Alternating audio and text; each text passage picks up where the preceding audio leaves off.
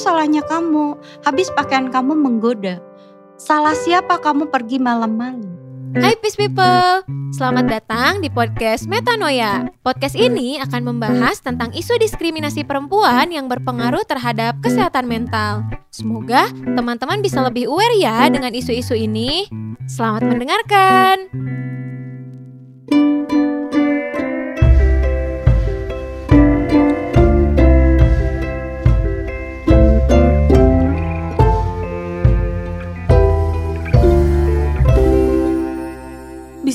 Bismillahirrahmanirrahim.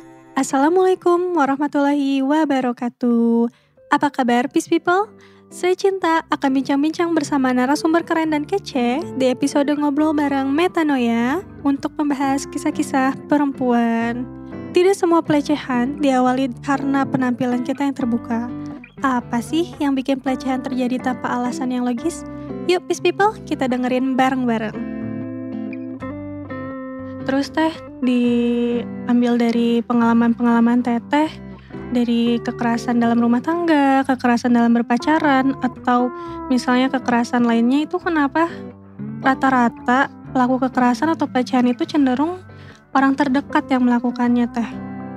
Iya tadi, uh, kenapa orang-orang terdekat? Ini sebenarnya jadi panjang ya ceritanya, karena ada aspek psikologis dan ada aspek uh, sosialnya juga bayangkan kalau kita uh, menikah misalnya ya hmm. atau uh, orang yang berpacaran perasaan nyaman dan perasaan aman itu pastikan diperoleh dari orang yang terdekat Iya yeah. ya kan yeah. misalnya dari suami dari pacar dari paman dari ayah itu adalah orang-orang yang uh, bisa membuat nyaman dan aman bagi perempuan. Ketika seorang perempuan merasa nyaman dan aman, biasanya dia tidak aware lagi. Iya kan? Betul. Ya karena masa sih yang minta kan pacar saya. Mm -hmm. Ya ya udahlah kan pacar saya. Kadang-kadang malah e, dituntut misalnya untuk menunjukkan kasih sayang, emosi, cinta itu dengan seksual misalnya. Ya, Ya. Kan sering kalau kita dalam pacaran kenapa sih kamu bisa-bisanya jadi hamil gitu. Ya habis pacar saya uh, bilangnya uh, masa sih kamu nggak percaya saya kan akan bertanggung jawab. Aku kan sayang kamu oh, gitu ya, ya teh. Terus kan kalau kamu sayang saya buktikan dong sayangnya, buktikan dong cintanya. Ya itu sehingga kadang-kadang perempuan menjadi uh, lebih mudah uh, ya udah deh kan yang minta pacar saya, yang minta suami saya. Sehingga uh, karena perasaan nyaman, kemudian ada rasa aman, ya dia memberikan semuanya. Padahal kita tahu bahwa uh, ya tentu kita harus memahami seksualitas, hak dan kesehatan reproduksi itu yang yang selama ini uh, banyak anak perempuan hmm. uh, remaja perempuan atau bahkan perempuan dewasa tidak sadar, tidak tahu apa sih hak dan kesehatan reproduksi saya. Bagaimana sih seksualitas saya? Nah itu kan kita nggak pernah dilatih ya di rumah. Pernah nggak kita diajarin kalau kamu udah menstruasi artinya kamu akan apa? Pernah nggak? Bahkan banyak ibu-ibu yang tidak pernah mengajari anak perempuan atau orang dewasa tidak pernah mengajari bagaimana kamu misalnya menjaga kesehatan ketika menstruasi. Nah, sangat jarang ya teh. Sangat jarang.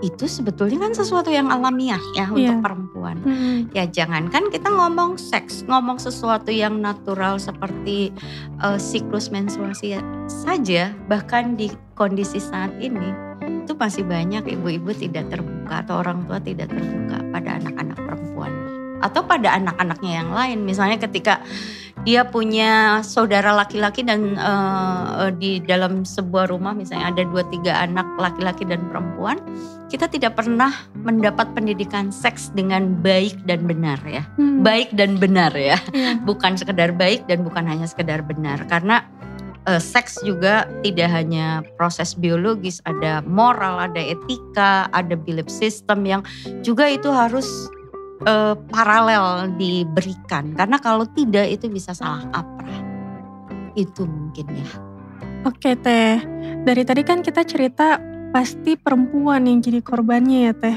mau KDRT atau kekerasan apa pun pasti ujung-ujungnya perempuan gitu yang jadi penyintasnya. Kenapa ya? Rata-rata Hmm. tuh perempuan yang jadi korban padahal ada juga laki-laki yang menjadi korban gitu teh. Iya. Eh, kita tidak boleh menampilkan bahwa korban kekerasan itu juga ada laki-laki ya, tapi Mm-mm. secara angka, secara data memang 95% eh, korban kekerasan itu adalah perempuan. Kenapa perempuan? Itu yang sering kali. Kenapa teh? Eh, karena ini ya, ada yang disebut dengan konstruksi sosial ya. Kalau dasarnya sudah tidak eh, setara, tidak adil, ya pasti akan ada ketidakadilan gender Mm-mm. dan bentuk-bentuk ketidakadilan gender itu secara apa ya sadar tidak sadar itu udah ratusan tahun itu men- menginjek pikiran kita gitu ya ada yang disebut dengan stereotype misalnya perempuan itu bagusnya di rumah aja nggak bagus kalau perempuan itu pergi malam-malam Iya. padahal kalau misalnya keluar rumah dan itu tidak aman kan tidak hanya untuk perempuan ya untuk laki-laki juga Iya. ya. tapi ada ada beda ada perbedaan nilai antara sesuatu hal yang sama ketika dilakukan oleh laki-laki dan perempuan. Misalnya merokok, ya kan? Merokok itu sering kali, eh, aduh, cewek ngerokok, ini pasti perempuan nggak bener. Kalau laki-laki ngerokok kok nggak pernah disebut laki-laki nggak bener ya? Iya. kita kadang-kadang nilai kita tuh ambigus atau ambivalen gitu, eh, mendua. Kalau laki-laki merokok nggak apa-apa, tapi kalau perempuan merokok apa-apa. Padahal isunya misalnya yang benar merokok itu merusak kesehatan. Mm-mm. Itu berlaku untuk laki-laki maupun untuk perempuan gitu. Nah, ada bentuk-bentuk stereotip, ada bentuk-bentuk stigma, ada bentuk-bentuk marginalisasi, ada bentuk-bentuk multibur eh, multiburden misalnya. Kalau tadi ya stigma, stereotip itu berkaitan dengan konstruksi sosial, multiburden seperti ini misalnya, contohnya beban ganda. Bayangkan kalau di rumah laki-laki dan atau suami dan istri sama-sama bekerja. Kalau suami pulang kantor, dia masih boleh leha-leha.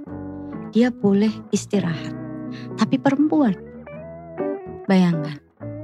Dia kerja, tapi dia juga harus ngurus anak, eh, ngerawat anak, ngurus rumah, masak, dan segala macam.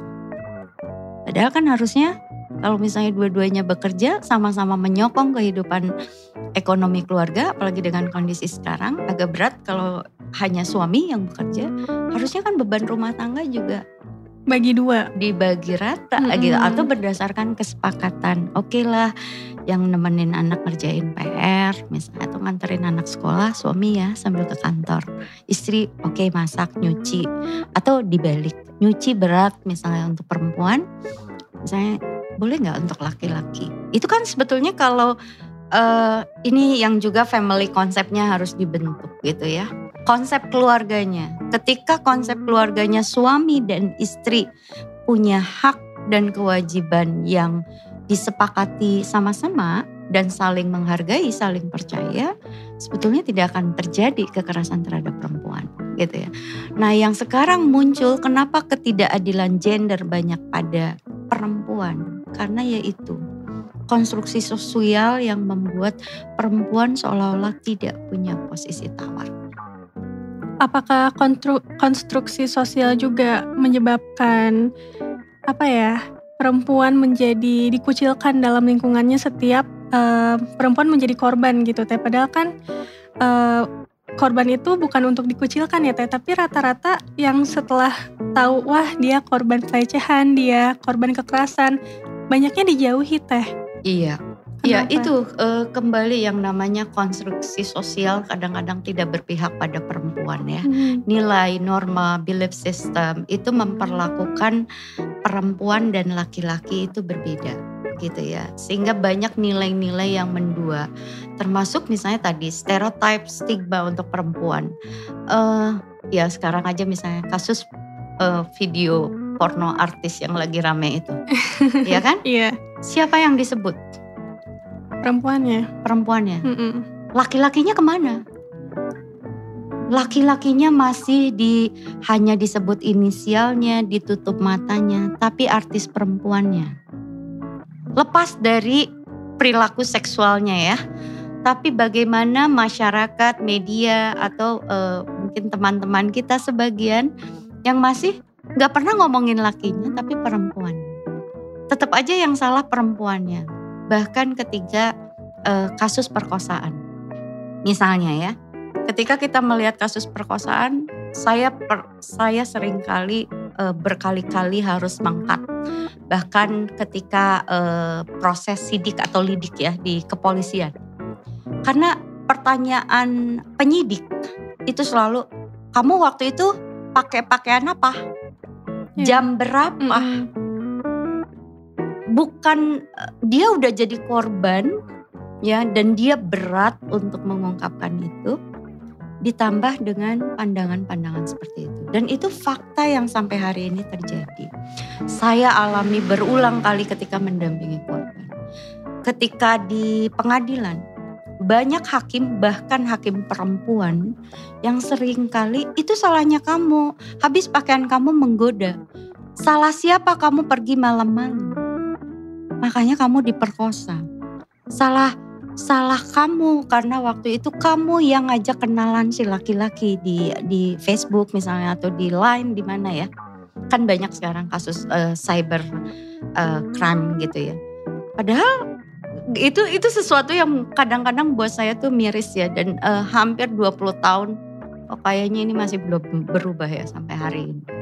Tapi kalau dari kepolisian atau dari hakim nanya tentang penampilan karena penampilannya uh, terbuka atau menggoda, tapi kemarin uh, teman saya sendiri teh ada yang cerita bahwa dia juga bercadar dan ber, berhijab pakainya tertutup tapi tetap iya. terjadi pelecehan. Nah itu karena sebetulnya kalau saya lihat pelecehan seksual atau perkosaan itu bukan soal pakaian perempuan ya. Dan sebetulnya eh, ketika kita bicara soal perkosaan sebetulnya kan itu juga merusak laki-laki ya. Karena laki-laki berarti hanya punya insting seks ya. Ya kan? Uh, kita menganggap rendah juga laki-laki gitu. Ketika seolah-olah hanya karena pakaian perempuan terbuka dia layak atau dia dia punya hak untuk memperkosa. Kalau laki-lakinya benar kan maupun kalau ceweknya telanjang sekalipun gitu ya, kalau imannya kuat pasti dia nggak akan memperkosa kok gitu. Saya percaya itu. Makanya betul saya setuju. Bukan karena uh, pakaian perempuan, bukan pada jam berapa perempuan itu pergi gitu ya bukan uh, bukan soal uh, lokasi tapi itu soal mindset, itu soal karakter, itu soal sifat dari pelaku. Saya tahu bahwa banyak laki-laki juga yang bukan pelaku, gitu ya. Uh, ya kalau kita nanti banyak uh, mungkin teman-teman uh, mendampingi korban, sifat dan karakter korban itu khas dan sifat karakter pelaku itu juga khas. Nah, ketika ada pertemuan antara laki-laki uh, yang pelaku dengan perempuan yang memang korban, ya terjadilah kekerasan. Uh, banyak juga sebetulnya perempuan yang yang uh, bisa kan menghindarkan diri ketika terjadi perkosaan, karena memang dia bukan tipe korban kalau belajar psikologi, belajar uh, apa uh, atau punya pengalaman yang banyak, kita memang akhirnya bisa membedakan yang mana yang akan jadi korban. Nah, ini yang kita harus lakukan uh, pendampingan, edukasi, terus bagaimana penguatan uh, apa karakter, kemudian mental health-nya, kesehatan mental. Alhamdulillah Robil Alamin. Udah beres nih episode podcast Metanoia bareng Cinta kali ini. Banyak banget nilai-nilai positif yang bisa kita ambil dari perbincangan kita bareng narasumber yang luar biasa.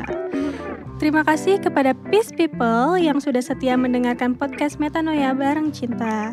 Kalian bisa banget loh sharing pengalaman dan cerita kalian di kolom komentar kami. Salam cinta, salam damai, salam peace generation Jangan khawatir, Kalian juga bisa akses podcast ini di YouTube, Spotify, dan website Pisgen. Eits, jangan ke mana-mana ya. Tungguin kita di episode selanjutnya. Bye! Podcast ini dipersembahkan oleh kelompok Metanoia dari proyek Peace Sociopreneur Academy, kerjasama antara Peace Generation, Konvei Indonesia, PPI MUIN Jakarta, dan UNDP.